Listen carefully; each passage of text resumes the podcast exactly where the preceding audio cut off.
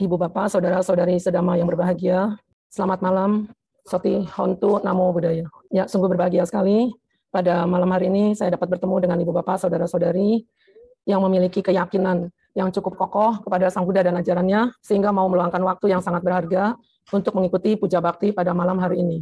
Ya, baiklah, pada malam hari ini saya akan menyampaikan uh, sharing dhamma tentang pikiran terkendali membawa ketenangan. Ya, kita tahu uh, pada umumnya manusia ingin hidup tenang, tentram, damai, sejahtera, harmonis, dan bahagia.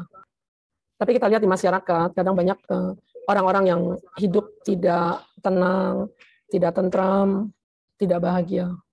Sedangkan kita untuk hidup bahagia, kita harus hidup dengan tenang, tidak dihantui perasaan-perasaan menyesal, bersalah, dan lain-lain. Nah, kita tahu di masyarakat, udah cakukuca itu sering menghantui kehidupan uh, manusia seperti kita kita ini eh, karena kita masih memiliki kilesa, kita belum mencapai tingkat-tingkat kesucian, sehingga kita hidup penuh dengan kekhawatiran dan kegelisahan. Kekhawatiran dalam bahasa Pali disebut kukuca. Kukuca eh, itu ada dua hal. Kukuca timbul karena dua sebab. Yaitu yang pertama karena telah melakukan perbuatan yang tidak benar, dan yang kedua karena telah menyanyiakan kesempatan untuk berbuat baik. Nah misalnya ya kita telah melanggar sila, kita telah berbohong gitu. Kita pasti dihantui oleh perasaan menyesal. Aduh, mengapa saya melakukan kebohongan itu? Mengapa saya melakukan uh, penganiayaan? Atau misalnya kita telah berkata kasar kepada orang tua kita. Kemudian kita menyesal, aduh kenapa saya berkata kasar kepada mama saya, papa saya, padahal mereka adalah orang-orang yang berjasa bagi saya. Nah, jadi kita dihantui perasaan uh, bersalah, perasaan menyesal, sehingga hidup kita penuh dengan kekhawatiran. Bisa juga karena ada kesempatan untuk berbuat baik, misalnya kita baru eh, misalnya pada hari suci Katina ya, ada kesempatan untuk berdana kepada sangga. Kemudian kita sia-siakan kesempatan untuk berbuat baik itu. Karena mungkin pada saat itu kita eh, butuh uang, keadaan ekonomi kita sedang kurang baik, sehingga kita dihantui perasaan bersalah, perasaan menyesal. Jadi setiap manusia pada umumnya ingin hidup tenang. Untuk bisa tenang, kita harus uh, jauh dari uh, kekhawatiran kukuca dan jauh dari kegelisahan. Tapi kegelisahan dan kekhawatiran itu sering menghantui kehidupan kita. Kekhawatiran, kita bisa khawatir karena uh, telah melakukan kesalahan, melanggar Pancasila Buddhis misalnya, atau telah menyanyiakan kesempatan untuk berbuat baik. Sehingga kita akhirnya melihat lagi masa yang sudah lalu itu dan kita menyesal. Itu tidak ada gunanya. Harusnya sih kita lupakan, ya udahlah kalau kita sudah berbuat salah, itu di agama Buddha kalau kita sudah berbuat salah ya sudah kita lupakan saja. Uh, yang penting kita bertekad untuk tidak diulangi lagi kesalahan itu gitu. Karena kesalahan yang sudah kita lakukan itu tidak akan hapus. Jadi kalau kita sudah uh, melakukan kesalahan, sudah berbuat salah, ya kesalahan itu tetap harus kita uh, terima gitu. Nggak mungkin hapus. Ya sudah kalau karma buruk itu berbuah ya udahlah kita terima aja nantinya gitu. Kemudian kalau ada kesempatan untuk berbuat baik kita sudah lewatkan ya sudah. Yang penting kan pasti nanti kesempatan untuk berbuat baik itu pasti akan ada lagi gitu. Nah, jadi ya udah lain kali kalau kesempatan untuk berbuat baik itu muncul kita tidak sia-siakan. Oke, kemudian eh, kita juga bisa gelisah dalam hidup ini kalau kita terlalu merisaukan hari esok. Kita terlalu memikirkan sesuatu yang belum terjadi. Kita umat Buddha, kita boleh punya cita-cita yang setinggi mungkin, harapan yang seluhur mungkin, tujuan yang sebaik mungkin, tapi jangan melekat. Jadi ketika eh, cita-cita kita itu belum tercapai, ya udah kita berusaha melakukan langkah-langkah ke arah tercapainya cita-cita kita itu. Kalau memang tidak tercapai juga ya sudah kita lepas. Nah, jadi kita tidak gelisah. Gelisah itu uh, udaca ya. Uh, kegelisahan itu akan membuat hidup kita tidak tenang, tidak bahagia gitu. Nah, jadi kita lupakan aja. Ya, tapi kita kalau sudah punya cita-cita jangan kita diamin gitu. Kita tetap harus berusaha untuk uh, melakukan langkah-langkah ke arah tercapainya cita-cita kita itu. Ya, mudah-mudahan dengan uh, usaha yang kita lakukan dengan uh, dukungan karma baik uh, kehidupan lampau, mudah-mudahan cita-cita kita itu bisa terwujud, tercapai. Oke. Okay.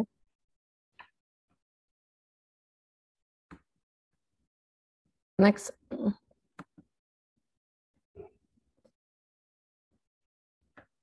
Ya, uh, kita tahu kita bisa hidup tenang kalau pikiran kita uh, juga tenang. Kalau pikiran kita selalu positif. Kalau pikiran kita itu uh, bebas dari pikiran-pikiran buruk ya. Nah ini ada tiga pikiran buruk yang harus kita kikis dari dalam diri kita.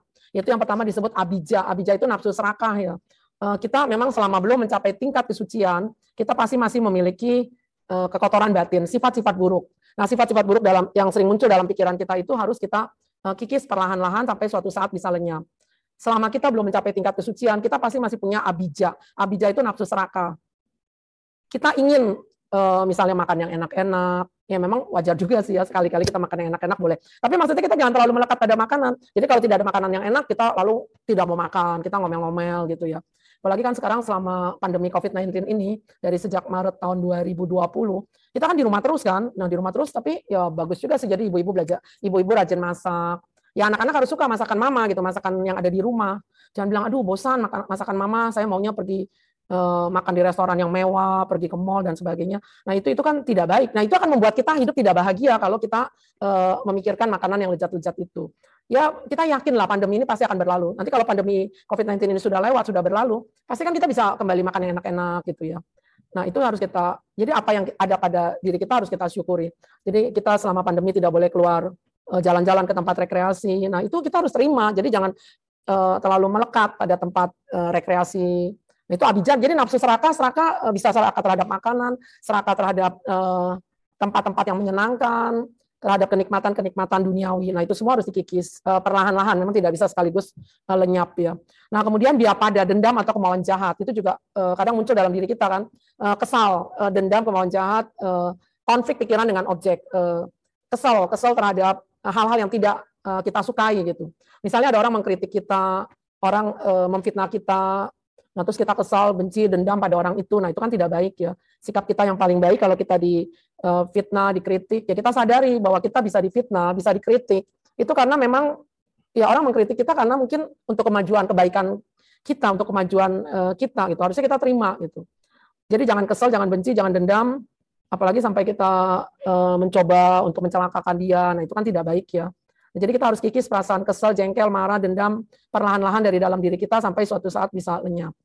Nah, kemudian micaditi itu juga kekotoran dari pikiran. Jadi micaditi pandangan salah juga harus kita kikis. Dengan cara apa? Ya rajin belajar, rajin bertanya, berdiskusi.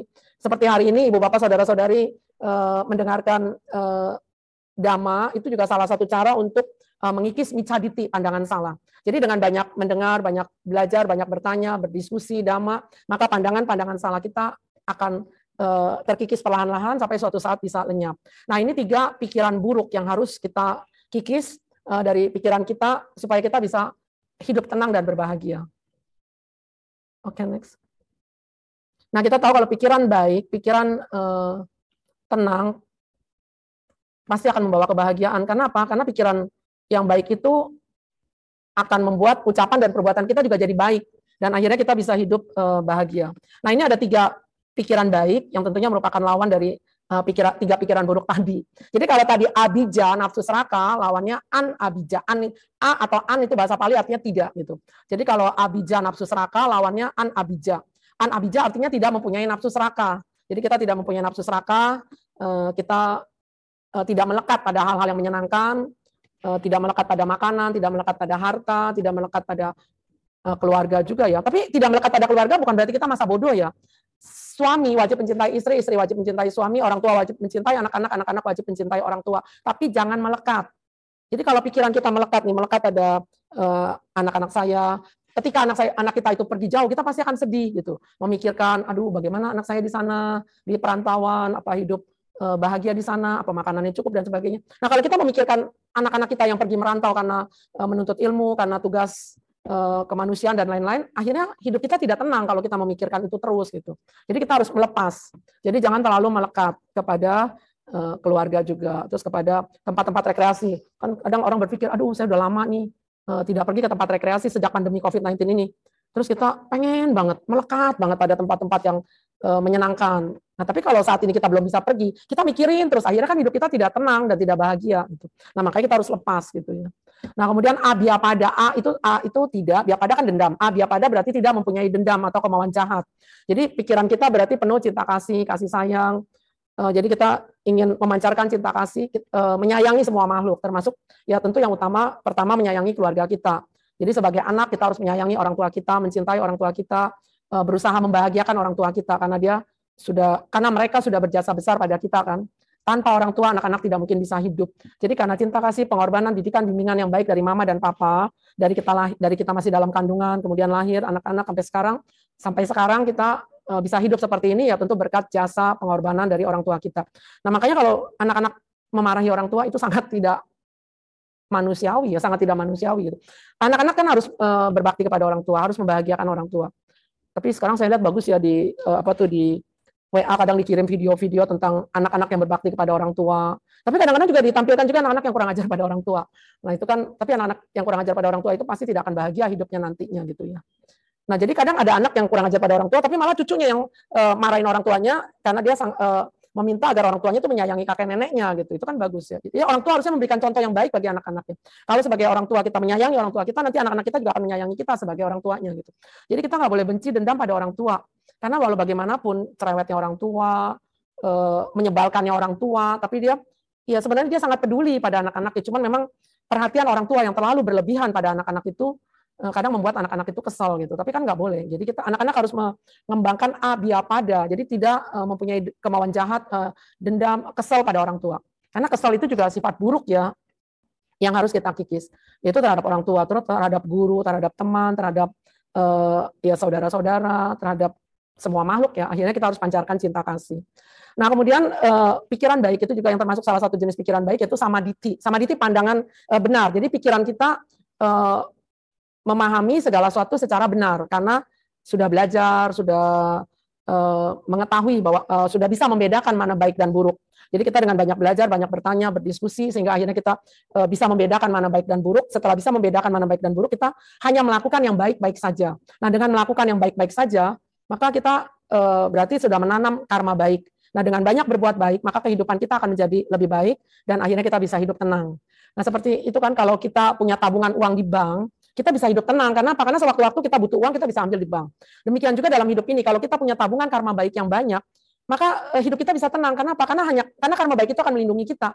Hanya karma baik yang akan melindungi kita, menyelamatkan hidup kita.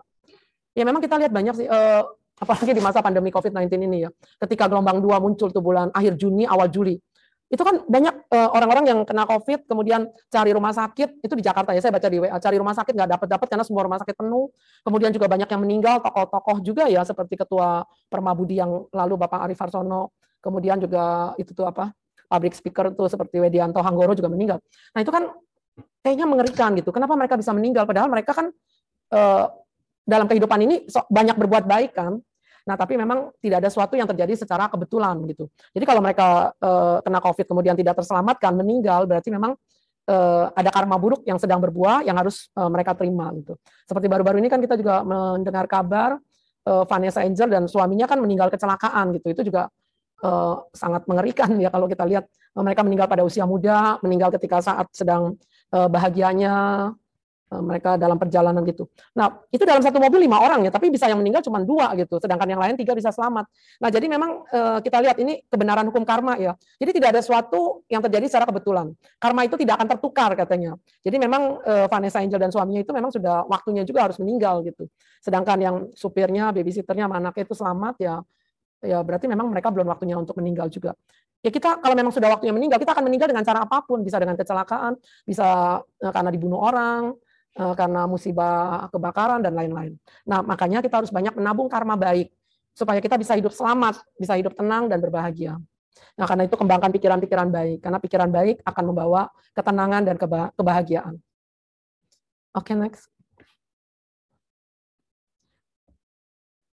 Iya, nah kita tahu tadi kan ada tiga pikiran buruk ya, maksudnya tiga, eh, pikiran buruk bersumber dari uh, tiga hal. Nah tiga hal ini harus kita kikis. Nah tadi kan untuk mengikis sifat serakah ya an abija. Sifat serakah itu lawan dari serakah kan berarti tidak serakah. Kalau tidak serakah berarti mau eh, mengembangkan kerelaan ya. Dulu saya ingat Bante Hutamo ngomongnya kerelaan.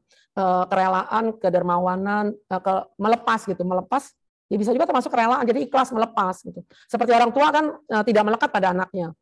Orang tua wajib mencintai anak-anak. Tetapi ketika anak-anak itu pergi karena menuntut pendidikan di luar kota atau di luar negeri di luar negeri Eh, atau orang anak-anak itu menikah, nah orang tua kan harus ikhlas melepas ke eh, anak-anaknya untuk pergi uh, menempuh jalan hidupnya sendiri gitu. Nah itu kerelaan, kerelaan kita rela melepas anak-anak kita untuk pergi mencari jalan hidupnya sendiri.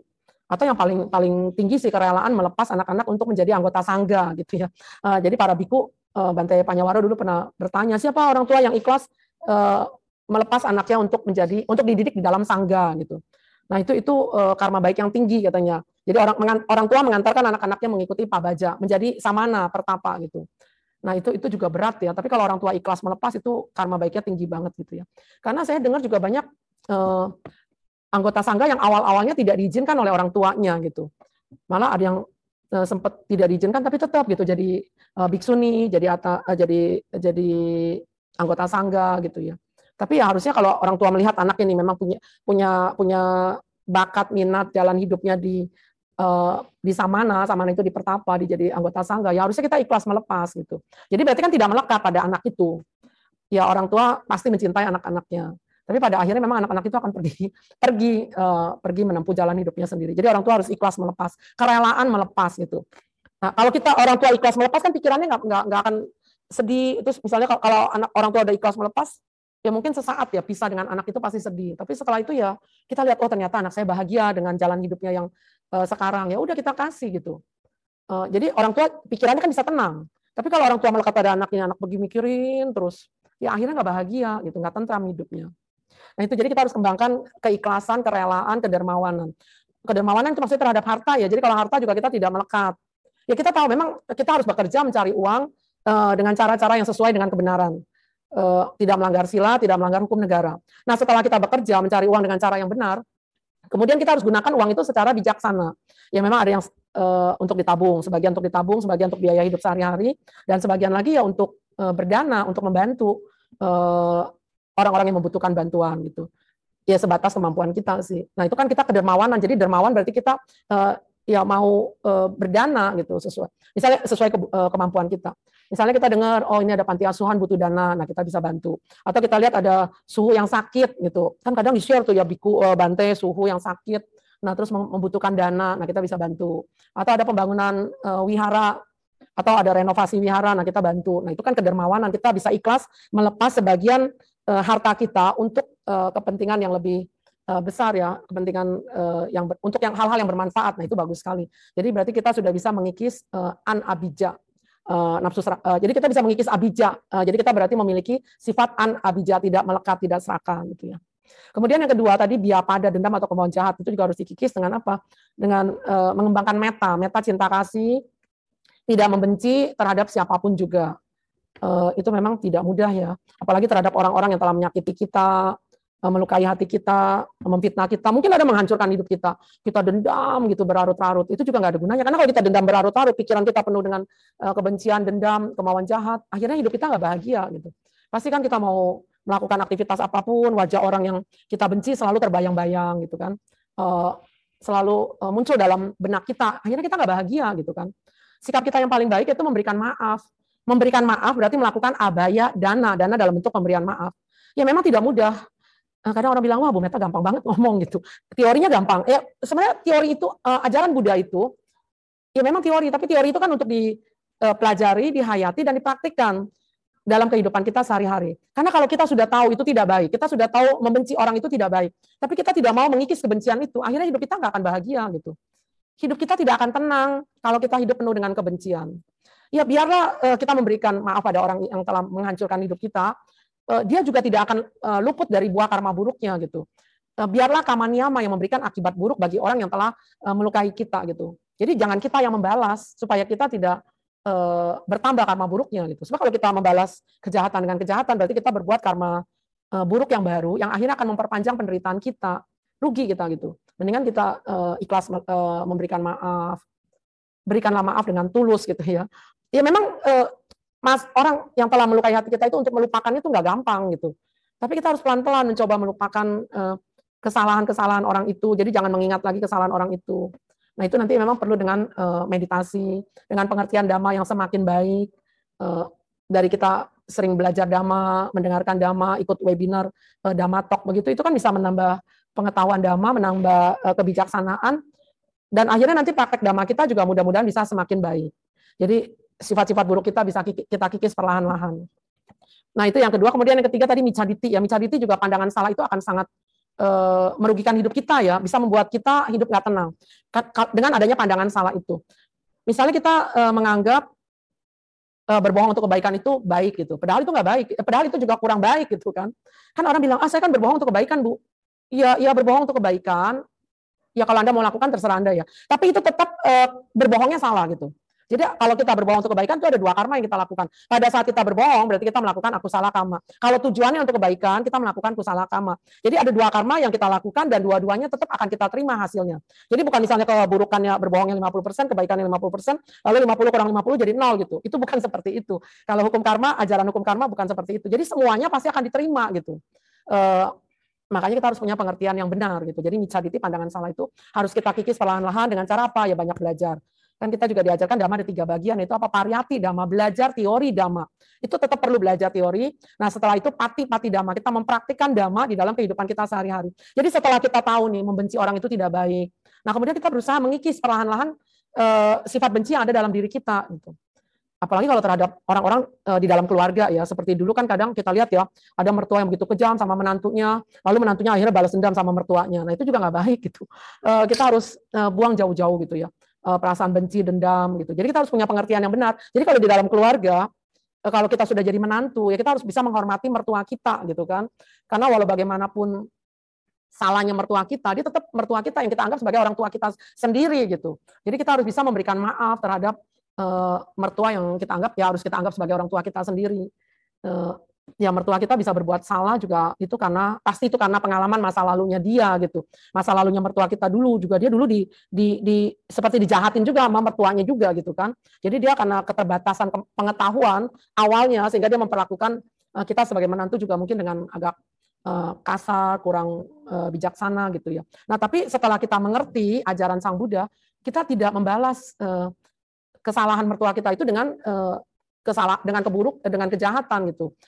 Seperti dalam pada bab 1 ayat 5 kan Sang Buddha katakan eh, dalam dunia ini kebencian tidak akan pernah berakhir bila dibalas dengan kebencian. Tetapi kebencian akan berakhir bila dibalas dengan cinta kasih. Inilah inilah satu hukum yang abadi. Nah, jadi kita harus membalas kebencian dengan cinta kasih. Nah, seperti menantu terhadap mertua, mertua terhadap menantu juga. Ada yang terbalik juga, ada yang menantunya galak banget gitu. kurang ajar pada mertua. Jadi mertuanya juga harus sabar gitu. Harus sabar menghadapi menantu yang eh, yang kurang menghormati mertua itu gitu. Atau orang orang tua juga harus sabar menghadapi anak-anak gitu. Kan kadang orang tua kesel gitu ya lihat anaknya eh, kelakuannya kurang eh, berbakti gitu, kurang menghormati eh, orang tua gitu. Jadi orang tua nggak boleh kesel, apalagi kalau sampai sumpah-sumpahin anak gitu ya itu nggak boleh banget ya. Karena kalau orang tua sumpahin anak itu ya berarti kan orang tua itu berbuat karma buruk ya. Eh, nanti orang tua itu juga ya akan menerima buah karma buruknya. Kemudian anak yang disumpahin kalau dia kena sumpahan orang tua itu, misalnya anak itu disumpahin nih, supaya sakit lah gitu. Terus benar-benar anak kita sakit. Kalau benar-benar anak kita sakit, emang kita sebagai orang tua bisa bahagia? Tentu juga tidak kan gitu ya. Nah jadi sebagai orang tua, bagaimanapun keselnya juga terhadap anak, karena anak kurang sopan pada orang tua, ya jangan sampai sumpah-sumpahin lah. Tetap orang tua harus pancarkan cinta kasih. Nah itu yang di dalam ajaran Buddha kan diajarkan ya. E, kalau orang yang eh, seperti anak itu, anak kurang ajar pada orang tua. Orang tua nggak boleh sumpahin anak, justru orang tua harus memancarkan cinta kasih kepada anak itu. Mudah-mudahan dengan pancaran cinta kasih yang terus-menerus dari orang tua kepada anak itu, anak itu akan berubah menjadi baik gitu. Pastilah karena e, sifat buruk anak itu juga kan nggak akan selamanya. Mungkin karena dia salah bergaul lah pertama, mungkin karena anak itu e, bergaulnya dengan orang-orang yang e, berkelakuan tidak baik sehingga anak kita terpengaruh gitu. Nah, setelah terpengaruh e, dengan kelakuan teman-teman yang kurang baik, akhirnya sikap anak itu terhadap kita sebagai orang tua juga kurang baik. Nah, tapi kalau kita sebagai orang tua memancarkan cinta kasih terus dalam setiap baca parita, setelah baca parita kita doakan nih semoga anak kita bahagia, semoga anak kita bisa uh, kembali ke jalan yang benar gitu ya, kembali ke jalan dhamma itu, ya pasti nanti suatu saat akan berubah menjadi baik, sadar dan akan bisa uh, minta maaf, mungkin menyadari kesalahannya pada orang tua dan minta maaf dan akan berubah menjadi baik. Nah, jadi kita kita harus uh, atasi dengan pancaran cinta kasih gitu, bukan dengan kata-kata yang kasar, dengan pikiran yang penuh dengan kebencian, dengan tingkah laku yang tidak baik itu itu nggak ada gunanya. Nah jadi kita harus pancarkan cinta kasih eh, kemudian ucapan kita juga harus baik eh, doakan semoga anak kita berbahagia. Pasti keadaan nanti suatu saat akan menjadi baik. Nah itu. Jadi pikiran-pikiran buruk ini semua harus uh, dikikis dengan uh, dhamma gitu dengan ajaran-ajaran kebaikan dari sang Buddha. Oke okay, next Nah, kita tahu kan pikiran-pikiran positif itu pasti akan membawa kebahagiaan. Jadi kita harus kembangkan terus pikiran-pikiran positif, pikiran-pikiran baik. Jadi positif positif thinking terus ya gitu. Kalau pikiran kita baik, maka ucapan dan perbuatan kita juga akhirnya akan baik. Dan dengan ucapan dan perbuatan yang baik, dengan ucapan dan perbuatan yang baik, akhirnya eh, batin kita menjadi tenang gitu.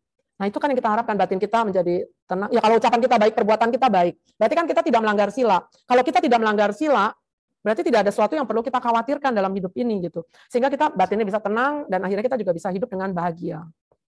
Oke, okay, next. Sorry, saya dulu.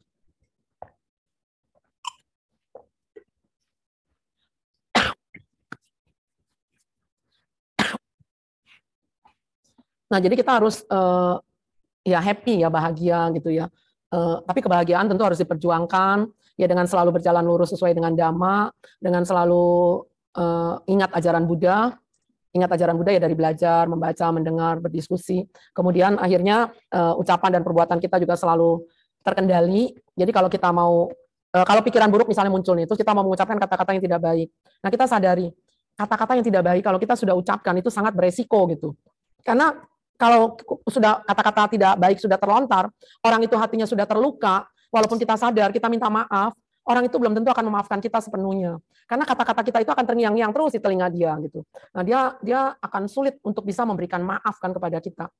Nah, jadi kan akhirnya kita merasa bersalah, menyesal. Nah, kalau kita bersalah, menyesal terus kita uh, terus hidup uh, dalam kondisi seperti itu, maka kita tidak akan bahagia gitu kan.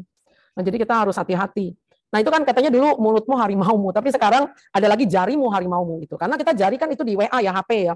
HP kita WA tuh jari kita hati-hati gitu. Karena kalau kita sudah tulis eh, kata-kata uh, yang uh, menyakitkan hati orang, terus kita udah kirim, kita mau kemudian kita sadar kita hapus. Kadang ada orang yang sudah simpan gitu. Itu sangat beresiko. Mungkin kita bisa ambil contoh, ini contoh ya. Itu kan supirnya Vanessa Angel waktu itu yang bawa mobil itu kan juga dia katanya pada saat dia nyup, supir, dia sempat bikin itu tuh apa video kan, terus dia kirim ke orang tuanya kan ya. Dia sempat walaupun kemudian dia sadar dia hapus gitu, tapi ada orang yang sudah simpan gitu. Nah itu kan akhirnya itu ya sangat beresiko. Akhirnya kan itu yang jadi uh, ya alasan polisi untuk menangkap supir itu kan uh, Jody itu ya. Nah itu sangat berbahaya. Makanya jarimu sekarang jarimu harimaumu gitu.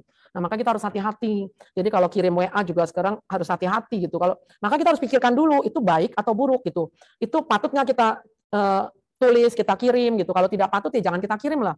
Itu akan sangat beresiko, bisa merugikan hidup kita nantinya gitu kan. Seperti supir Vanessa Angel kan sekarang ditangkap kan jadi uh, ya rugi lah hidupnya jadi uh, tidak bahagia gitu kan. Pasti dia nggak tenang lah hidupnya gitu ya. Nah jadi kita bisa hidup, uh, kita harus selalu mengembangkan pikiran baik, pikiran positif, pikiran yang penuh cinta kasih kasih sayang, kemudian ucapan dan perbuatan kita juga harus baik. Dan akhirnya kita kalau kita ucapan dan perbuatan kita baik nih, kita tidak melanggar sila, tidak ada sesuatu yang perlu kita khawatirkan, kita uh, gelisahkan dalam hidup ini. Akhirnya kita bisa uh, kita bisa memiliki batin yang tenang, kita bisa hidup bahagia gitu ya. Uh, batin yang tenang, kalau batin kita tenang, pikiran kita tenang juga kita akhirnya bisa hidup sehat gitu kan, bebas dari penyakit juga. Karena penyakit itu kadang dari pikiran juga ya. Kalau kita terlalu memikirkan, aduh ini gini gini gini. Jadi pikiran yang sakit itu, pikiran maksudnya pikiran yang terlalu uh, melekat, pikiran yang penuh dengan kebencian misalnya itu akan membuat uh, stres, depresi, dan akhirnya nanti jasmani kita, fisik kita juga akan sakit gitu kan. Nah kita rugi ya. Kita kadang melihat ya orang seperti ya kita kalau kita lihat orang-orang yang di uh, apa tuh di rumah sakit jiwa, itu kan mereka mengalami penyakit batin ya. Penyakit batin dari apa? Dari pikiran gitu. Karena stres uh, yang amat sangat depresi, nah akhirnya membuat dia jadi sakit dan kalau sakit uh, bisa uh, jadi ya dianggap seperti uh, orang sakit orang sakit jiwa jadi penyakit uh, bisa masuk rumah sakit jiwa Kemudian juga ada yang bisa mungkin bisa uh, muncul apa tuh uh, keinginan untuk bunuh diri. Oh ya kita juga lihat kan belum lama ini ada seorang ibu yang karena ngomelin suaminya, kemudian dituntut di pengadilan, dijatuhi hukuman satu tahun penjara katanya uh, di Kerawang ya pengadilan negeri Kerawang. Tapi itu jadi viral, itu jadi heboh gitu. Masa seorang ibu, eh, seorang istri karena ya karena tegur suaminya sih, tegur suaminya yang mabuk-mabukan gitu kan, suaminya suka mabuk-mabukan, pulang jauh malam mabuk-mabukan ditegur ya Masa gara-gara ditegur begitu terus malah istrinya yang dijatuhi hukuman satu tahun penjara. Ya, itu kan merasa sangat tidak adil gitu. Nah akhirnya istrinya kan juga kemarin waktu diwawancara uh, sama itu yang Ibu Rosi itu, dia kan bilang apa dia udah stres, depresi karena dia merasa tertekan terus. Uh, dulu selalu dipanggil sama pol, pol, polisi dari Polres, pol, Polda segala macam sampai terakhir ke pengadilan. Sampai akhirnya dia karena merasa tertekan terus, depresi, sampai akhirnya pernah berpikir untuk bunuh diri gitu. Tapi dia pikir masih ada dua anaknya yang menjadi tanggungan dia sehingga dia tidak jadi uh, bunuh diri gitu. Nah jadi Eh, bunuh diri itu juga kan tidak baik ya. Karena itu termasuk melanggar sila gitu. Dalam agama Buddha juga dikatakan kalau orang yang bunuh diri itu pasti pikirannya lagi kacau. Seperti ibu itu kan lagi kacau kan pikirannya. Terus uh, kalau di agama Buddha lagi kacau begitu berarti dianggap kalau di Abhidhamma itu penuh dengan dosa mula cita ya. Jadi kalau pikirannya lagi dosa mula cita, lagi penuh dengan kebencian, kesel, ya pasti kesel sama suaminya gara-gara suaminya dia dituntut sekarang di penjara gitu kan dia kesel. Nah itu itu bisa membuat dia uh, kemudian mengambil jalan pintas bunuh diri pada saat bunuh diri pikirannya terakhirnya tidak baik akhirnya dia bisa jatuh ke alam neraka, alam setan gitu kan, ke alam-alam apa ya. Nah itu kan sangat uh, merugikan gitu. Karena sekarang kan bisa lahir sebagai manusia uh, dengan tubuh yang normal, ya kita harus bersyukur lah ya. Tapi kalau kemudian kita karena uh, salah langkah mengambil jalan pintas bunuh diri, kemudian jatuh ke alam apa ya, Nah itu itu sangat menderita sekali karena kalau dari alam apa ya alam yang menyedihkan untuk bangkit kembali ke alam manusia itu sangat sulit sekali, sangat sulit sekali. Seperti yang Sang Buddha katakan, seperti seekor penyu yang buta berenang di samudera yang luas, harus bisa memasukkan cincin ke lehernya itu katanya masih lebih mudah dibandingkan kelahiran dari alam apa ya ke alam manusia ini. Nah makanya kalau sekarang kita sudah lahir di alam manusia, kita harus bersyukur. Buatlah hidup kita ini bahagia dengan banyak melakukan uh, karma baik ya. Buatlah hidup kita ini uh, ya penuh dengan ketenangan, jauh dari Eh, sifat-sifat buruk ya gitu ya. Oke okay, next. Nah kita akan bahagia ya tentu kalau hidup kita tenang, kemudian kita bisa jauh dari penyakit, nah jauh dari musibah, ya musibah kecelakaan juga mudah-mudahan kalau kita naik mobil gitu selamat gitu. Karena ketika uh, terjadi kecelakaan tuh Vanessa Angel dan suaminya meninggal, itu juga ada chat tuh di WA. Uh, teman saya bilang, waduh kalau gitu kita kalau ada supir tuh, kalau supir lagi bawa mobil kita nggak boleh tidur loh. Kalau kita tidur nanti bahaya. Katanya nanti. Ya karena sekarang jadi orang ketakutan gitu kalau supir yang bawa mobil jangan-jangan nanti kecelakaan gitu ya. Tapi ya enggak lah. E, karena kan Sang Buddha juga pernah mengatakan kalau itu bukan bagian dari karma burukmu, maka musibah itu tidak akan menimpamu gitu. Jadi memang kalau kita lihat Vanessa Angel kecelakaan gitu ya jangan jadi jangan membuat kita jadi ketakutan gitu. Kita tetaplah yakin akan kebenaran hukum karma. Jadi kalau kita e, banyak berbuat baik, tabungan karma baik kita cukup banyak ya, mudah-mudahan kita e, bisa selamat dalam setiap e, kondisi ya, dalam setiap e, keadaan apa pun. Jadi jauh dari musibah mudah-mudahan ya. Tapi memang kekhawatiran itu wajar juga sih sebagai manusia biasa ya. Sebagai manusia biasa yang belum mencapai tingkat kesucian, kita pasti masih punya kekhawatiran itu dua hari lalu hari Kamis pagi ya ketika anak saya akan pergi uh, tugas pengabdian sebagai dokter di uh, eh, NTT itu kan uh, kalau dokter lulus kan udah harus itu internship satu tahun di daerah gitu. Nah dia dapetnya tugas di kota ND ya di NTT. Terus dia mau naik pesawat terbang. Dia sempat bilang pada saya, Mama tolong doain ya semoga pesawatnya tidak jatuh gitu. Ya saya pikir dia berarti kan khawatir naik pesawat terbang pesawatnya bisa jatuh. Ya karena mungkin ada pengalaman kali dia pernah lihat berita atau apa ada pesawat terbang tiba-tiba jatuh. Ya memang dulu banyak sih beberapa yang kecelakaan pesawat terbang jatuh hilang dan penumpangnya juga meninggal dan sebagainya. Ya tapi eh, puji syukur karena baik masih melindungi anak saya selamat sih sampai di kota Kupang pembekalan terus dua hari dan tadi sudah terbang lagi dari Kupang ke kota ND eh, di NTT. Nah jadi saya pikir sebagai manusia biasa ya memang kita pasti mempunyai kekhawatiran terhadap eh, sesuatu yang eh, buruk yang akan terjadi dalam hidup kita gitu. Tapi kekhawatiran itu jangan terlalu uh, berlebihan gitu ya. Kita khawatir boleh, tapi khawatir itu kalau muncul segera segera kita sadari, oh iya khawatir ya. Uh, saya khawatir terhadap apa ya gitu. Kalau misalnya seperti anak saya mau terbang naik pesawat, ya harus tenang lah. Oh ya khawatir jangan-jangan pesawat jatuh. Tapi enggak lah. Oh, terus baca parita. Ya saya bantu sih dengan baca parita karena arti kata uh, parita, arti harafiah kata parita kan perlindungan gitu. Makanya saya bantu baca parita terus saya bilang anak saya juga baca parita gitu supaya bisa selamat sampai di tujuan gitu. Nah, jadi kita jangan lupa untuk selalu baca parita. Tapi maksudnya bukan hanya doa saja ya, tapi doa itu tetap perlu gitu. Parita itu tetap perlu uh, untuk uh, melindungi diri kita gitu. Nah, jadi kita nggak boleh bilang ah parita doang, masa baca parita terus, masa bergantung pada parita. Bukan bergantung pada parita. Jadi kita berusaha, berusaha uh, kemudian ya tetap harus uh, dengan doa juga gitu, karena banyak pengaruh banyak manfaat dari doa juga gitu. Seperti tadi kan Anda baca parita, ada nama sekarang baca parita, Eh, meditasi. Nah, itu kan juga termasuk kebak, eh, puja bakti ya, termasuk kebaktian, doa kan termasuk doa juga itu perlu gitu. Karena itu juga salah satu cara untuk menenangkan batin. Jadi dengan diawali pembacaan parita-parita suci, kemudian meditasi, nah maka ketika kita mendengarkan dhamma, kita lebih bisa fokus gitu. Bisa fokus mendengarkan dhamma, dan kemudian nanti dhamma yang sudah kita eh, dengarkan, pelajari, eh, bisa eh, meresap dalam eh, batin kita, pikiran kita, terus kita bisa hayati dan praktikkan dalam kehidupan kita sehari-hari. Nah, jadi dhamma itu juga berarti kan tidak hanya dipelajari secara teori. Dhamma itu bukan sekedar info gitu, informasi gitu. Tapi dhamma yang sudah kita pelajari harus kita praktekkan supaya bermanfaat bagi hidup kita. Nah, misalnya oh iya saya harus melaksanakan Pancasila Budi, saya harus mengikis pikiran-pikiran buruk. Uh, abijah, nafsu seraka harus kita buang, biar pada dendam kemauan jahat harus kita buang. Micaditi, pandangan salah juga harus kita kikis, buang jauh-jauh. Nah itu benar-benar kita uh, praktekkan nanti di dalam kehidupan kita sehari-hari gitu. Ya kalau kita sudah praktekkan bagus gitu. Tapi setelah kita mendengar hari ini, pikiran-pikiran buruk itu harus kita kikis, nah benar-benar kita praktekkan gitu, kita kikis pikiran buruk. Jadi ketika pikiran buruk itu muncul nanti, kita buang jauh-jauh. Nah dengan membuang pikiran-pikiran buruk, akhirnya kita bisa hidup tenang gitu. Karena kan uh, Pikiran kita hanya bisa memikirkan satu di antara dua hal, baik atau buruk. Kalau pikiran buruk tidak muncul, berarti pikiran baik yang muncul. Kalau pikiran baik muncul, ya pikiran buruk tidak ada kesempatan untuk muncul gitu. Maka kembangkan terus pikiran baik. Supaya pikiran buruk tidak ada kesempatan untuk muncul. Tapi kalau kita biarkan pikiran buruk muncul, misalnya pikiran apa tuh serakah, kita pikir aduh uh, enak banget gitu makanan ini ya kan sekarang juga di uh, di WA kan ada, ada di share video-video makanan tuh kadang itu makanan lezat-lezat di-share. Ada orang makan itu apa tuh babi panggang itu. Saya lihat tuh di video juga. Aduh udah makan dia bilang ini lezat banget, hauce, enak banget itu. Nah itu kan bikin orang jadi nafsu gitu ya. Tapi kalau kita memang udah mau putar video itu mau nonton ya, udah kita nonton aja dengan uh, bijak gitu, UPK. Jadi jangan terlalu melekat ya. Ya sekali-kali bolehlah kalau keuangan uh, cukup gitu ya. Misalnya sebulan sekali atau pada saat hari ulang tahun uh, ulang tahun kita kita pergi makan makan lezat bolehlah sekali-kali. Tapi jangan tiap hari. Kalau tiap hari ya ya nanti uh, apa tuh keuangan kita jadi terganggu gitu kan ya. Kita makan ya jangan terus yang enak-enak terus ya sekali eh, biasanya biasa-biasa aja kita makan nanti sekali-kali boleh makanan-makanan yang lezat tapi itu jadi keuangan kita tetap terkendali teratur gitu maksudnya tetap uh, ya ter, terkontrol dengan baik ya keuangan kita jadi nggak kita hambur-hamburkan uang dengan untuk hal-hal yang eh, yang dianggap sebagai kenikmatan duniawi. Nah itu juga kan kurang baik ya. Nah, apalagi kalau kita makan makanan yang lezat-lezat terus, eh, kepiting apa tuh nanti kolesterol tinggi aja timbul penyakit kan kolesterol tinggi. Atau kita terlalu banyak makan akhirnya apa tuh kegemukan, obesitas juga. Obesitas juga sangat beresiko untuk eh, perjalanan hidup ini ya. Karena orang yang terlalu gemuk juga akhirnya jadi kurang sehat gitu. Jadi kita harus harus ya introspeksi diri kita juga kondisi kita sekarang bagaimana. Nah, kita harus sesuaikan eh, perbuatan kita dengan eh, ajaran Sang Buddha. Jadi kita harus selalu mempraktikkan dhamma sehingga kita bisa hidup tenang eh, dan berbahagia. Nah, itu pikiran kita bisa terkendali juga kalau kita eh, sering mempraktekkan meditasi. Nanti kita lihat meditasi itu banyak manfaatnya.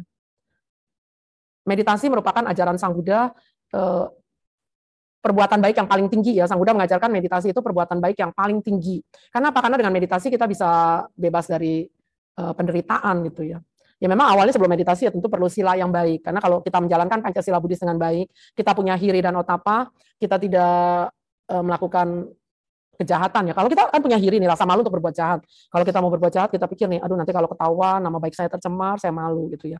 Akhirnya nggak jadi kan melakukan kejahatan. Kalau kita mau melakukan kejahatan kita pikir lagi akibatnya nanti otapa ya rasa takut akan akibat dari perbuatan buruk. Kita pikir akibatnya oh nanti saya akan ditangkap polisi masuk penjara. Nah akhirnya kan saya nggak jadi melakukan kejahatan gitu ya karena kalau kita melakukan kesalahan kita rugi. Misalnya kita kerja di kantor nih udah bagus-bagus gitu. Eh tiba-tiba kita uh, kesel gitu, terus kita uh, melakukan korupsi. Akhirnya ketahuan, ketangkep, di PHK, rugi gitu ya. Nah, itu zaman sekarang tuh lagi pandemi COVID-19 ini kan banyak perusahaan-perusahaan yang uh, karena terganggu keuangannya akhirnya mem-PHK pegawainya. Nah, kita kita bersyukur ya kalau kita masih punya pekerjaan gitu. Nah, jadi bekerjalah dengan baik. Itu minggu lalu aja ada mantan murid saya, dia bilang dia udah mamanya telepon. Bu Meta itu uh, namanya Randy. Itu Randy uh, kerja mau berhenti bu. Katanya apa tuh? Uh, kemarin bulan lalu kenaikan gaji, dia cuma naik 100 ribu, teman-teman itu naik lebih tinggi lagi, cuma dia doang yang 100 ribu. Jadi dia kesel dia mau berhenti. Terus saya bilang ke mama, itu mamanya telepon saya, Ci kasih tahu Randy ya, jangan berhenti ya. Sekarang tuh cari kerja nggak gampang. Udah naik 100 ribu tuh harus bersyukur, masih mending lo gaji bisa naik lo di masa pandemi ini. Ya memang perusahaan juga, pimpinan perusahaan juga nggak bisa naikin gaji tinggi-tinggi kan. Karena mungkin pemasukan dia juga dikit gitu. Jadi dan kita nggak boleh iri sama teman-teman kita dengar ya teman-teman naik gajinya kok beda ya, kok dia lebih tinggi ya gitu loh. Saya cuma 100 ribu, mungkin dia 200 ribu, 300 ribu. Ya syukuri aja apa yang kita dapatkan gitu. Jadi kita jangan kesel.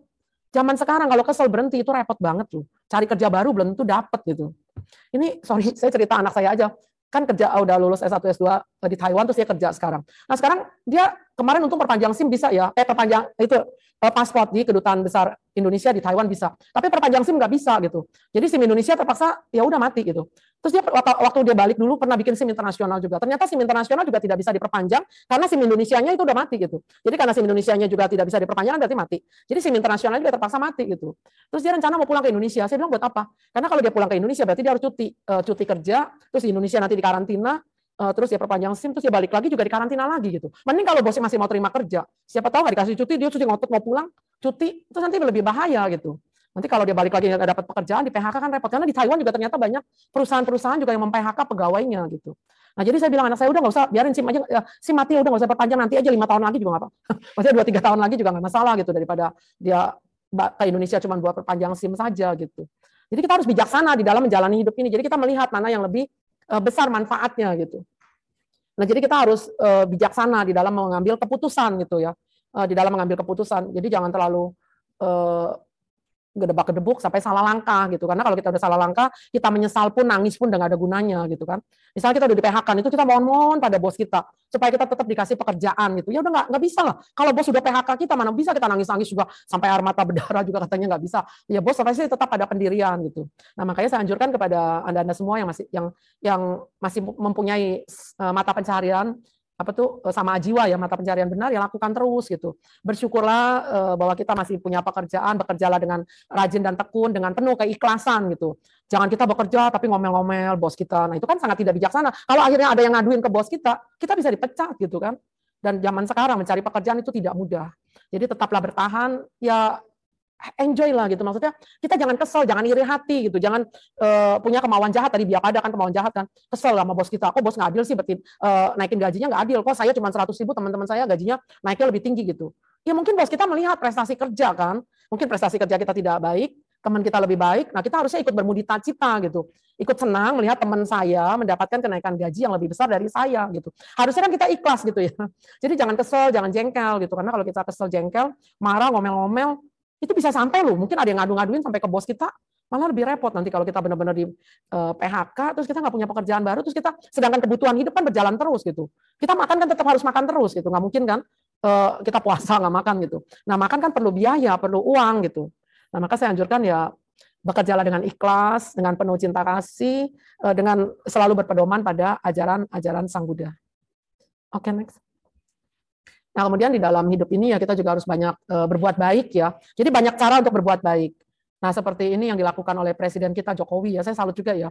Pada tanggal 23 September yang lalu beliau melepas uh, tukik ya. Tukik itu penyu ya, uh, penyu kecil gitu ya. Di daerah Cilacap. Nah, ini kita lihat berarti Presiden Jokowi juga mempraktekkan ajaran Buddha. Sebenarnya dhamma itu ajaran universal, tidak hanya berlaku bagi umat Buddha saja, tapi berlaku bagi uh, semua orang ya. Makanya dhamma itu kan uh, universal. Universal artinya Eh, berlaku terhadap siapa saja, kapan saja, sebenarnya di mana saja. Jadi ajaran Buddha bisa dipraktekkan oleh siapa saja gitu. Termasuk kalau function ini kan kita bisa lihat ini salah satu bukti ya. Presiden Jokowi telah melakukan function melepas hewan. Itu kan melepas hewan itu bagus banget ya kita memberikan uh, kehidupan kepada makhluk lain. Itu berarti uh, nanti akan membuat kita jadi panjang umur gitu. Tapi banyak manfaat ya dari melepas hewan ya function ini ya.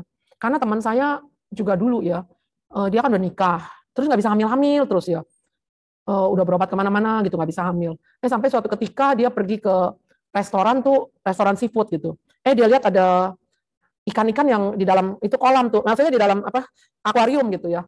Uh, terus kan itu ikan itu pasti akan ditangkap dibunuh kan, ditangkap dipotong untuk uh, santapan bagi orang-orang yang datang ke restoran itu gitu. Nah langsung teman saya itu dia beli ikan yang ada di situ, memang harganya mahal, tapi dia bilang nggak apa-apa saya beli semua ikan yang ada di akuarium itu, kemudian dia bawa ke pantai dia lepas gitu. Eh tapi memang setelah itu dia bisa hamil namun itu ya kalau kita tinjau dari ajaran Buddha berarti kan dia sudah melepas hewan. Dia sudah berbuat baik. Nah sehingga eh, makhluk lain mungkin dari alam dewa dia lihat, oh ini ibu ini baik ya, eh, penuh cinta kasih, mau melepas eh, hewan, jadi memberi kehidupan bagi makhluk lain. Nah berarti dia pantas lah jadi mama saya gitu. Makanya akhirnya ada ya makhluk eh, dewa di alam dewa meninggal ya kemudian masuk ke dalam rahim ibu itu gitu. Bisa saja itu kalau kita eh, lihat secara agama Buddha ya. Nah, jadi kalau ada kesempatan ya kita bisa melepas eh, hewan-hewan. Tapi bisa juga di rumah kita ya, misalnya kalau ada nyamuk, jadi jangan kita uh, jangan kita maksudnya sengaja kita bunuh dengan penuh kebencian ya. Tapi bisa kita buka jendela biar nanti uh, nyamuknya keluar, lalatnya keluar gitu ya. Uh, kalau ada tikus juga, ya memang itu hewan-hewan yang kurang berguna. Tapi kalau bisa jangan kita yang bunuh gitu. Biarlah dia. Uh, tapi memang dia kalau mengganggu kita juga ya bisa kita suruh dia keluar aja gitu lepas. Tapi kalau ya ya terpaksa ya apa boleh buat. Tapi maksudnya kita harus bijaksana lah ya. Misalnya penyakit demam berdarah ya kita juga harus hindari kan. Hindari ya dengan eh, jaga eh, bersihkan ruangan rumah kita itu mudah-mudahan tidak ada nyamuk di dalam rumah kita itu sehingga kita bisa hidup eh, bebas dari penyakit ya.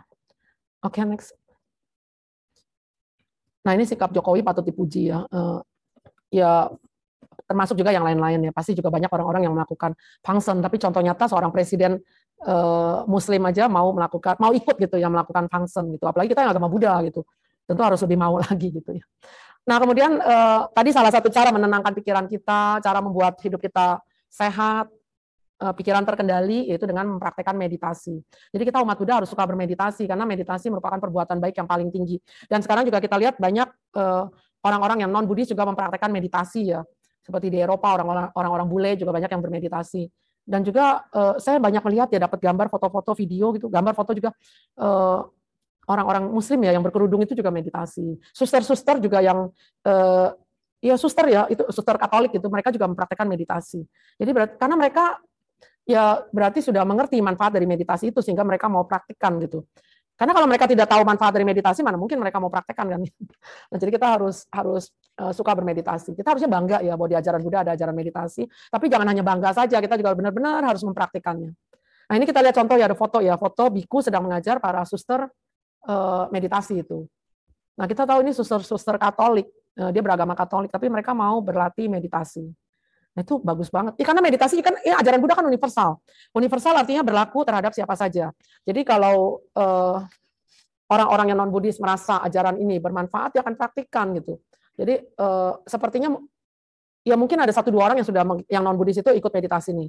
Terus dia lihat bagus nih, makanya diajarkan di lingkungan dia, di lingkungan mereka bahwa meditasi itu bagus, maka praktikkan gitu. Nah akhirnya kan dipraktikkan seperti ini ya kita lihat suster ini mempraktikkan meditasi bagus sekali karena banyak manfaat yang akan kita peroleh dari mempraktikkan meditasi. Artinya eh, salah satunya apa? Antara lain apa? Kedewasaan batin ya. Jadi dengan mempraktikkan meditasi kita akan mempunyai kedewasaan batin. Artinya kita tidak mudah cengeng ketika menghadapi berbagai kesulitan hidup. Tidak mudah emosi ketika kita menghadapi hal-hal yang tidak menyenangkan. Nah, itu terutama pimpinan ya bos-bos di perusahaan punya pegawai anak buah misalnya itu perlu perlu uh, praktek meditasi ya. Karena kalau bos melihat ya anak buahnya melakukan kesalahan, dia kesel, jengkel, terus dia ngomel-ngomel terus. Nah itu kan nggak ada gunanya gitu. Kalau dia ngomel-ngomel, tambah karma buruk. Uh, kita juga kita kan kalau uh, dulu ya sewaktu offline gitu, eh, sebelum pandemi kan banyak yang masih punya pembantu di dalam rumah ya. Uh, maksudnya sekarang apa asisten rumah tangga gitu ya. Cuman sekarang memang saya dengar banyak sih orang yang tidak punya lagi asisten rumah tangga gitu. Karena dia pikir lagi pandemi udah kerja sendiri aja lah ngapain gitu. Uh, itu kalau kerja sendiri sih nggak masalah. Tapi kalau kita punya asisten rumah tangga, kita kan kadang melihat oh asisten rumah tangga kita ini kerjanya kurang bersih lah, bersih-bersih rumah tuh debu-debu kadang masih ada. Dulu ada tuh teman saya cerita, debu-debu masih ada. Eh waktu dia pulang kampung saya bersih-bersihin, gila, kotor banget itu. Uh, di bawah kolong meja saya angkat, ih kotor banget itu. Ya karena mungkin uh, asisten rumah tangga kita itu bersihnya nggak sampai ke kolong-kolong gitu. Nah kita jangan marah-marah, ngomel-ngomel, nggak ada gunanya kan. Nah jadi kita harus sabar gitu ya. Nah itu perlu dengan meditasi. Kalau kita suka mempraktekkan meditasi, kita akan punya sifat sabar. Uh, maksudnya uh, bisa mengendalikan emosi kita gitu ya. Karena saya ingat dulu Bapak Cornelis Wawa juga pernah bilang ya, kalau dia pinter, mana mungkin dia mau jadi asisten rumah tangga gitu kan. Mendingan dia kerja kantor gitu kan, kalau dia punya ilmu dia pinter gitu. Nah jadi karena dia kurang cerdas, uh, kurang pinter gitu, makanya dia mau jadi asisten rumah tangga kita gitu. Ya jadi kalau dia melakukan kesalahan ya kita berikan maaf aja gitu. Kita berikan maaf supaya kita tidak kesel, tidak kecewa, tidak ngomel-ngomel sehingga karma buruk kita tidak bertambah gitu. Nah, itu perlu dengan meditasi. Maka kita harus rutin mempraktekkan meditasi. Itu praktek meditasi yang paling bagus sih eh, rutin eh, kita lakukan walaupun tidak lama gitu ya. Yang penting misalnya tiap pagi atau tiap malam kita praktekkan eh, lima menit, 10 menit itu tapi yang penting tiap hari itu lebih bagus daripada kita praktek sehari tapi dua jam gitu ya. Setelah itu kita nggak praktek-praktek lagi gitu itu kan manfaatnya ya ada bermanfaat juga. Cuma kalau praktek meditasi cuma sebulan sekali, tapi sekali praktek dua jam, lebih lebih bermanfaat sih kita meditasi tiap hari, tapi uh, cuma 10 menit gitu. Tapi yang penting tiap hari terus menerus gitu. Karena kan seperti kita uh, menggali, uh, membuat sumur, menggali tanah ya. Kita kalau mau membuat sumur kita gali ini.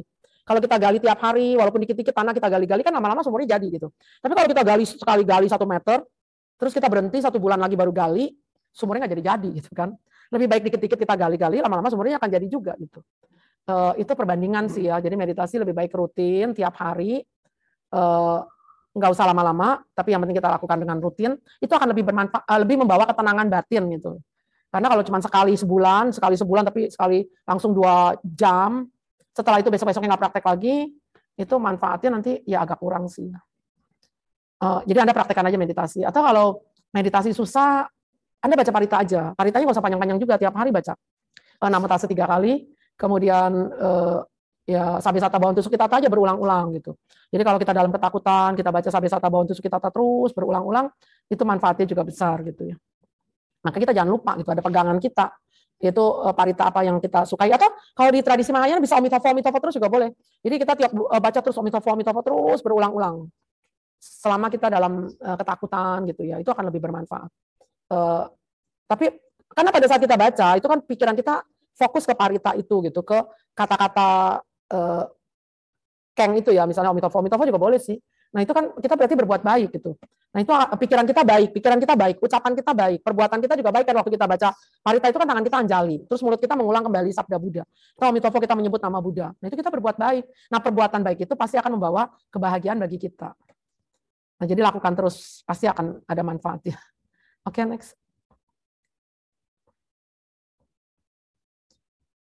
Nah ini juga pesan dari Sang Buddha juga sangat bagus ya. Jadi kita uh, jangan bergantung kepada siapa pun, karena uh, diri kita adalah pelindung kita. Jadi jadi uh, buatlah pulau bagi dirimu sendiri, pelindung bagi dirimu. Jadi kita harus bisa berlindung kepada diri kita sendiri maksudnya. Jadi kepada ya kita berlindung kepada Buddha Dhamma Sangga ya.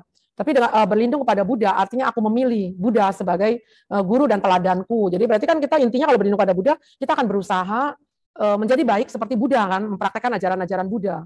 Berlindung pada dhamma, berarti kita yakin bahwa dhamma itu pasti benar. Dhamma itu harus saya praktikkan supaya bisa membawa saya ke arah pembebasan diri dari duka. Kita berlindung kepada Arya Sangga, kita yakin bahwa Arya Sangga itu persaudaraan para biku yang telah mencapai tingkat-tingkat kesucian karena mempraktikkan ajaran Sang Buddha. Nah, jadi kita juga harus mempraktikkan ajaran Sang Buddha sehingga kita juga bisa eh, menjadi pelindung, bisa menjadi bisa membuat perlindungan yang aman bagi diri kita gitu. Kita bisa membuat pulau eh, bagi diri kita sendiri. Jadi kita jangan cari perlindungan di tempat-tempat lain gitu. Seperti orang mau berlindung dari kesulitan dengan pergi ke tempat-tempat keramat gitu. Itu kan nggak baik ya. Itu bukan perlindungan yang aman gitu. Jadi perlindungan yang aman yaitu berlindung kepada Buddha Dhamma dan Sangga yang berarti juga berlindung kepada uh, diri kita sendiri. Jadi kita harus bisa membuat perlindungan yang aman bagi diri kita sendiri. Oke okay, next. Nah ini juga saya cuplikan uh, sabda Buddha yang terdapat dalam Dhammapada ya. Dhammapada ya intinya sih kita uh, terlindung oleh pikiran baik kita sendiri. Jadi kita tidak bisa berlindung kepada orang tua kita. Seperti anak-anak tidak bisa berlindung pada orang tua selamanya ya. Karena orang tua itu suatu saat kan akan pergi gitu. Jadi nggak mungkin akan menjaga anaknya terus-menerus.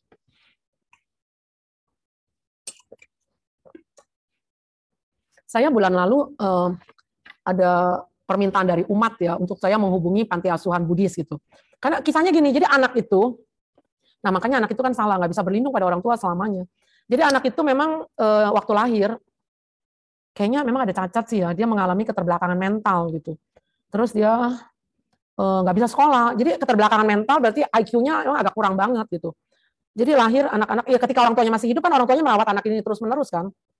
Merawat orang tua merawat anak ini terus menerus sampai anak ini berusia sekitar 18 tahun gitu. Nah tapi tahun lalu ibunya meninggal, mamanya meninggal karena kanker. Januari lalu papanya meninggal karena COVID. Nah sekarang anak itu tinggal dengan kakek neneknya gitu. Jadi popo kungkungnya kakek neneknya itu udah tua, udah umur 80 tahun gitu. Harus merawat cucunya yang mengalami keterbelakangan mental gitu. Nah itu untuk masih ada kakek neneknya. Sekarang kakek neneknya juga udah ya udah tua banget, udah kasihan banget gitu. Jadi katanya eh, mau mencari uh, tempat penitipan buat anak ini gitu. Saya coba cari, uh, ya tanya saya sih, saya udah hubungin panti asuhan. Tapi katanya panti asuhan itu nggak bisa, dia terima cuma anak-anak dan bayi. Terima bayi dan anak-anak. Kalau udah umur belasan seperti ini 18-19 tahun, paling diterima kerja gitu di panti asuhan itu gitu. Tapi boro-boro kerja, anak ini kan mengalami keterbelakangan mental kan.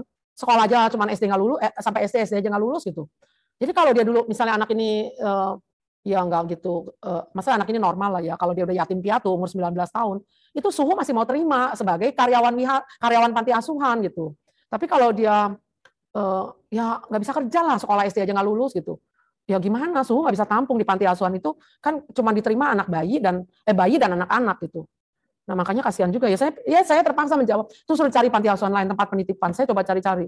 Eh, nggak bisa juga. Katanya kalau mengalami keterbelakangan gitu paling cari di cari di eh, maksudnya dititip ditaruh di dinas sosial gitu. Tapi kalau ditaruh di dinas sosial itu katanya si perlakuannya eh, mungkin nggak cocok bagi anak ini gitu ya. Karena eh, kakek neneknya nggak tega lah gitu kalau anak ini taruh di dinas eh, sosial gitu gitu. Jadi ya jadi sekarang masih jadi tanggungan kakek nenek ini. Tapi memang ya kasihan juga nanti kalau suatu saat kakeknya meninggal, neneknya meninggal, anak itu bagaimana gitu ya. Saya juga pikirin sih, tapi ya solusinya gimana sampai sekarang juga belum dapat itu. Nah makanya jadi anak-anak nggak bisa berlindung kepada orang tua. Makanya di sini katakan bukan eh, bukan ayah, ibu, sanak saudara yang bisa melindungi kita, tapi yang bisa melindungi kita adalah pikiran kita yang terkendali itu yang akan melindungi kita gitu. Nah makanya kita harus selalu kembangkan pikiran baik, pikiran yang terkendali supaya ucapan dan perbuatan kita juga baik bisa terkendali juga. Oke, terima kasih. Uh, jadi inti dari ceramah saya pada hari ini kan pikir uh, topiknya kan pikiran terkendali membawa ketenangan. Nah, kita tahu setiap orang pasti ingin hidup tenang dan berbahagia. Untuk bisa hidup tenang, tentu kita harus memiliki pikiran-pikiran yang uh, terkendali. Pikiran yang terkendali artinya pikiran yang uh, bebas dari uh, kebencian, dendam, iri hati, pikiran-pikiran jahat gitu, pikiran-pikiran buruk ya.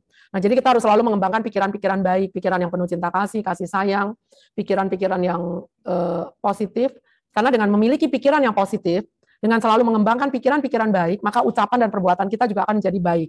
Nah, kalau kita selalu mengucapkan kata-kata yang baik, walaupun kadang-kadang uh, kita lepas kontrol ya, suka lupa, suka suka keceplosan gitu, terlepas ucapan-ucapan yang tidak baik.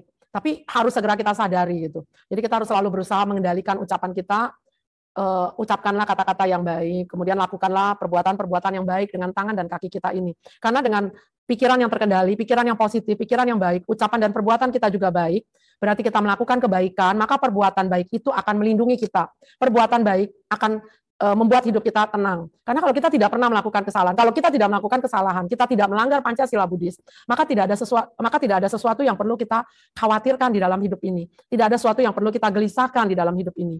Nah, kalau kita tidak uh, khawatir, tidak gelisah, berarti kita hidup tenang. Uh, batin kita tenang, pikiran kita tenang uh, karena kita punya keyakinan bahwa tabungan karma baik saya bisa melindungi saya, bahwa perbuatan baik yang saya lakukan bisa melindungi saya gitu. Nah, dengan keyakinan uh, akan kebenaran hukum karma, keyakinan bahwa saya dengan keyakinan pada hukum kebenaran hukum karma dengan tekad aditana bahwa saya akan terus berbuat baik, maka akhirnya kita bisa hidup tenang dan berbahagia. Mungkin demikian, terima kasih. Soti Hontu Namo Buddhaya.